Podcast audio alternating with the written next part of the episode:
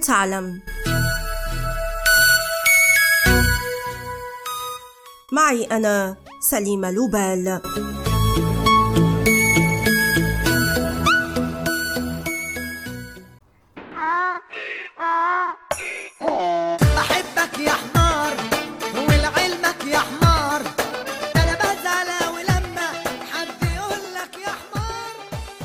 رافق الحمار البشرية منذ آلاف السنين، لكن يبدو أن سمعته السيئة حالت دون اهتمام العلماء به مقارنة بحيوانات أخرى مثل الحصان أو البقرة الأكثر شهرة بسبب قيمتيهما الاقتصادية.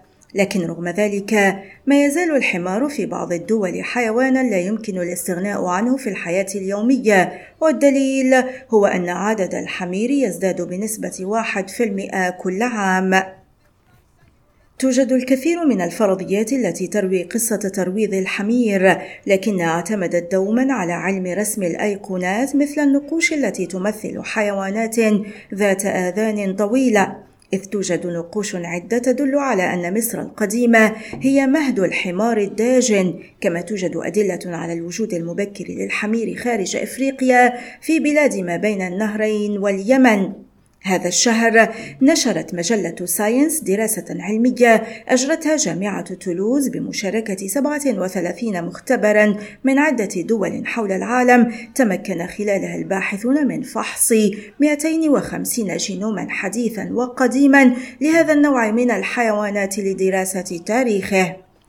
بينت نتائج الدراسة أن الحمار روض لأول مرة قبل سبعة آلاف عام في شرق إفريقيا ولم يغادر مهده باتجاه أوروبا وآسيا إلا بعد 2500 عام أي قبل خمسة آلاف عام.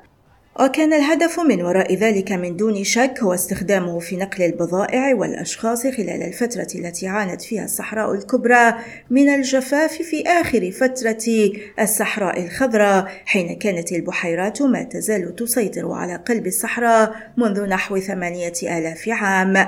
كان دور الحمار الذي تكيف مع المناخ الصحراوي والجاف حاسما جدا ثم بعد 2500 عام انتشر في جميع أنحاء الكوكب واستخدم لأغراض عديدة بما في ذلك الحروب والزراعة. لكن الحمض النووي الحديث لا يكفي لرواية كل تاريخ الحمار الداجن لأن بعض الأنواع انقرضت ولم تبقى منها أي آثار. قام الباحثون بمقارنة الجملة الوراثية الحديثة للحمار مع 31 حمارا قديما و15 حمارا وحشيا لتعزيز نتائجهم وأظهر التحليل أن الحميرة مختلفة اختلافا كبيرا من قارة إلى أخرى وأن هناك ثلاث مجموعات رئيسية هي حمير من أصل أفريقي وأخرى من أصول آسيوية وأوروبية. كما اكتشف الباحثون سلالة منقرضة عاشت قبل ألفي عام في منطقة الشام. وهذا يعني أن الحمير لم تكن تتنقل إلى مناطق بعيدة جدا مثل الحصان الذي حظي بفرص تبادل وتنقل كبيرتين. يصل عدد الحمير بحسب منظمة الزراعة والأغذية العالمية الفاو إلى 44 مليون رأس وتحتل الصين القائمة بامتلاكها نحو 11 مليون رأس. تليها الحبشة والمكسيك ومن ثم منطقة الشرق الأوسط وشمال إفريقيا.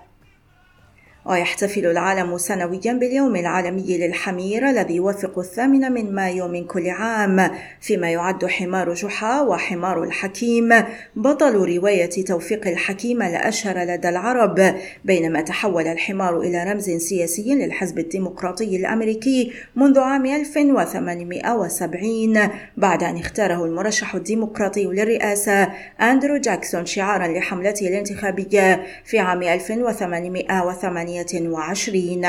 لكن الحمير مهددة أيضا بالانقراض بسبب ارتفاع الطلب على مادة إيجيا وهي مادة جيلاتينية تستخرج من جلده وتستخدم في الطب الصيني لعلاج فقر الدم ومشاكل الخصوبة والأرق كما تستخدم في صناعة مواد التجميل.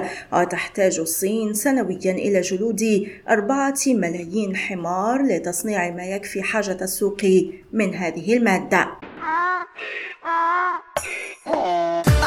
يا حمار ولعلمك يا حمار أنا بزعل حد يقول لك يا حمار والآن إلى اللقاء مع حلقة جديدة من بودكاست هل تعلم؟